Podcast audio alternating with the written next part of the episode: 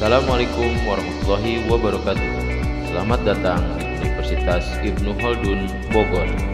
Universitas Ibnu Khaldun Bogor menyelenggarakan program studi Magister Teknologi Pendidikan yang memiliki visi menjadi program studi teknologi pendidikan yang islami dan unggul di bidang multimedia dan desain kurikulum berbasis teknologi pada tahun 2025. Tunggu apa lagi? Mari bergabung dengan kami menjadi mahasiswa teknologi pendidikan Universitas Ibnu Khaldun Bogor untuk perubahan dalam pendidikan yang lebih modern dan islami.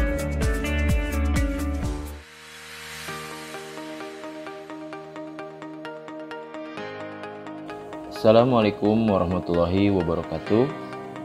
Apa kabar semua? Mudah-mudahan kita masih selalu diberikan kesehatan oleh Allah Subhanahu wa taala. Pada kali ini, kami kelompok 3 akan mempresentasikan pembelajaran mandiri dengan on it, learn it, dan share it. Untuk pembicara akan disampaikan oleh saya sendiri, Taufik Krusmayana, Ibu Maria Ulfa, Ibu Emelini Iskandar, dan Ibu Tazkia Himatul Ulia. Selamat mendengarkan. Untuk rumusan masalah pada kali ini, yang pertama adalah apa yang dimaksud dengan pembelajaran mandiri atau student centered learning. Yang kedua, pembelajaran mandiri dengan on it. Yang ketiga, pembelajaran mandiri dengan learn it. Dan yang keempat, pembelajaran mandiri dengan share it. Apa yang dimaksud dengan pembelajaran mandiri atau student centered learning? Student centered learning adalah pendekatan pembelajaran di mana siswa menghasilkan peluang belajar dan merekonstruksi pengetahuan secara dinamis dalam lingkungan pembelajar yang terbuka. Hanafi et al. 2014 Sesuai dengan konsep pembelajaran mandiri, bahwa seorang siswa diharapkan dapat menyadari bahwa hubungan antara pengajar dengan dirinya tetap ada. Namun, hubungan tersebut diwakili oleh bahan ajar atau media belajar itu sendiri.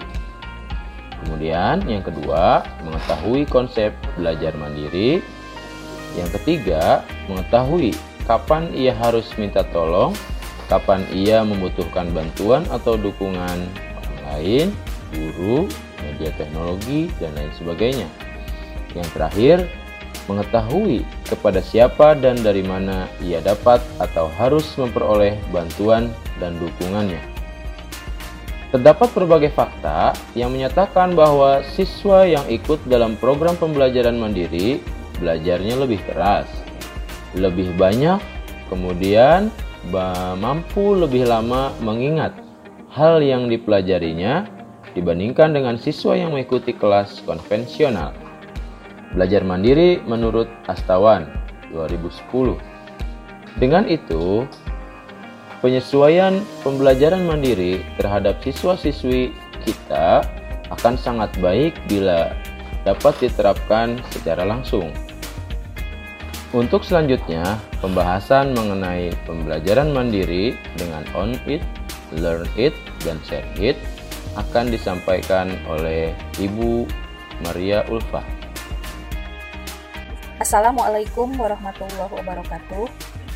Saya Maria Ulfa, kelompok 3 akan menjelaskan pembelajaran mandiri melalui metode on it. On it maksudnya adalah upaya guru memfasilitasi siswa membangun rasa memiliki terhadap pembelajaran yang akan terjadi di kelas. Ada tiga langkah dalam on it yaitu facilitate endorsement of external goal.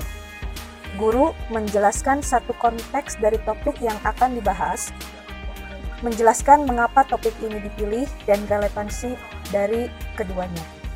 Yang kedua, provide opportunity specific to personal goals guru memberikan peluang kepada siswa untuk menentukan tujuan belajar, sehingga siswa dapat menyusun personal goal-nya.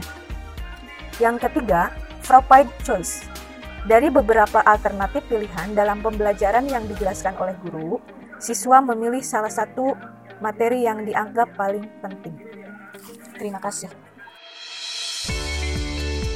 Untuk penyampaian tentang Learn It akan disampaikan oleh Ibu Ulia.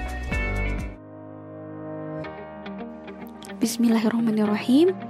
Uh, saya akan melanjutkan pembahasan tentang pembelajaran mandiri dengan Learn It di mana apa sih pembelajaran learn it itu apa maksud learn it itu jadi learn it itu adalah memfasilitasi terjadinya belajar secara scaffolding di mana scaffolding ini adalah pembelajaran secara terstruktur sesuai dengan goals yang telah ditentukan oleh masing-masing para pendidik hal ini dapat dilakukan dengan memberikan arahan awal memberikan dukungan untuk memilih dan menentukan bagaimana siswa belajar melalui alat bahan ajar dan sumber belajar yang relevan, memberi dukungan penuh terhadap berbagai kebutuhan siswa, memonitor progres mereka, serta meluruskan konsep yang telah mereka tentukan. Nah, dalam pembelajaran Learn It ini, di sini ada uh, pendekatan desain, yakni yang pertama adalah provide explicit direction on initiating judgment, memberikan arahan eksplisit tentang memulai keterlibatan. Yang kedua, support the selection and use of tools and resource, e, mendukung pemilihan dan menggunakan alat dan sumber daya yang mereka pilih. Yang ketiga, prompt to support varying needs, mendorong untuk mendukung berbagai kebutuhan. Yang keempat, integrated the terminology used in the discipline. Mengintegrasikan terminologi yang digunakan dalam disiplin ilmu. Yang kelima adalah support student as they monitor progress. Pendidik memberikan dukungan di mana memantau kemajuan atau progres kerja mereka. Nah, yang tadi saya sebutkan itu adalah uh, pedoman desain uh, melalui pendekatan metode learn it. Uh, mungkin itu saja. Dan yang terakhir, pembelajaran mandiri dengan menggunakan metode share it akan disampaikan oleh Ibu Emilini Skandar. Assalamualaikum warahmatullahi wabarakatuh. Saya Emilini Iskandar akan mencoba menjelaskan mengenai share it. Share it maksudnya adalah meningkatkan engagement siswa terkait apa yang sedang dipelajari dengan cara mempublikasikannya, mendemonstrasikan, dan menyajikan hasil belajar otentik siswa kepada halayak, baik sesama teman atau bahkan dengan orang lain. Hal ini dapat dilakukan dengan dua cara. Pertama, mendorong terjadinya dialog dan umpan balik dari halayak tersebut. Dan yang kedua, mendorong terjadinya review teman sebaya. Mempromosikan dialog di antara siswa dan audiens. Maksudnya adalah siswa mengoperasionalkan pemikiran dengan menciptakan produk yang nilainya dapat dipahami oleh orang lain dengan domain pengetahuan yang bervariasi. Mereka perlu mengkomunikasikan temukan dengan cara melambangkan kedalaman pemahaman mereka yang berkaitan dengan masalah sehari-hari. Untuk memfasilitasi review sebaya, maka siswa mengoperasionalkan pemikiran dengan menciptakan produk yang nilainya dapat dipahami oleh orang lain dengan domain pengetahuan yang bervariasi. Mereka perlu mengkomunikasikan teman dengan cara melambangkan ke dalam pemahaman mereka yang berkaitan dengan masalah sehari-hari. Demikianlah uh, penjelasan mengenai share it. Sekian dari saya. Oh iya Bu, uh, untuk Bu Ulfa nih ada pertanyaan. Uh, apa kata kunci dari pembelajaran on it? Tolong dijelaskan ya, Bu Ulfa. Terima kasih. Baik, saya akan mencoba menjawab kata kunci dari on it itu kata kunci dari on it adalah otonomi otonomi artinya siswa menentukan sendiri materi apa yang dipilih setelah guru menjelaskan clue-clue dari materi tersebut. Otonomi di sini siswa akan mencoba memilih ya, materi yang dianggap akan menentukan personal goals-nya, tujuan dari pembelajaran yang dianggap paling penting. Nah, untuk Bu Ulia, eh, saya juga ada pertanyaan. Eh, bisa nggak tolong dijelaskan eh, pendekatan pedoman desain love it itu seperti apa sih? Terima kasih. Bismillahirrahmanirrahim. Eh, saya langsung menjawab pertanyaannya Pak Taufik ya, tapi ini dengan kemampuan yang terbatas gitu ya Pak ya. Pastinya eh, insya Allah semoga Allah mempermudah saya menjawab ini. Jadi kan tadi saya sudah eh, menyebutkan ya Pak tentang desain pendekatan eh, pembelajaran mandiri Learn It, di mana di situ yang pertama kan katanya ada provide explicit direction on initiating a judgment yakni memberikan arahan eksplisit tentang memulai keterlibatan. Pastinya para pendidik harus memberikan arahan terlebih dahulu ya Pak ya. Bagaimana cara belajar yang baik sesuai pada peserta didik agar peserta didik dapat memahami cara belajar yang tepat untuk mengembangkan kemampuan mereka pastinya dan potensi yang ada dalam diri mereka. Karena itu, cara belajar seseorang akan e, mudah untuk menyerap informasi dan mengolahnya dalam e, membentuk suatu pemahaman dan karakteristik. Yang kedua, support the selection and use of tools and resource. Mendukung pemilihan dan penggunaan alat dan sumber daya. Nah, di sini pastinya ke pendidik memberikan atau membantu dalam membuat rencana pembelajaran menetapkan langkah-langkah untuk mencapai suatu tujuan mereka ya pastinya Pak merencanakan uh, perencanaan ini di sini tuh yakni meliputi melihat lebih jauh ke dalam dan memutuskan bagaimana cara untuk berhasil. Rencana yang diputuskan siswa itu tergantung pada apa apakah mereka ingin menyelesaikan masalah, menentukan persoalan atau menciptakan suatu proyek. Jadi rencana yang dibuat seseorang tergantung pada tujuannya. Baik uh, tujuan tersebut melibatkan penyelesaian masalah atau penyelesaian persoalan tersebut semuanya membutuhkan pengambilan tindakan, mengajukan pertanyaan, membuat pilihan, mengumpulkan dan menganalisis informasi serta berpikir secara kritis. Nah, kemampuan untuk melakukan hal-hal tersebut memungkinkan keberhasilan pembelajaran mandiri. Nah, di sini peserta uh, uh, di sini pendidik pastinya memberikan arahan-arahan untuk anak bisa mencapai tujuan tersebut. Karena di sini kita sudah memberikan uh, sudah memantau apa sih yang uh, dia pilih dan memberikan saran atas apa yang dia pilih itu. Uh, mungkin kita lanjut ke pembahasan yang selanjutnya. From to support varying needs, mendorong untuk mendukung berbagai kebutuhan. Nah, di sini adalah mendorong, mengikuti rencana dan mengukur kemajuan para pe peserta didik.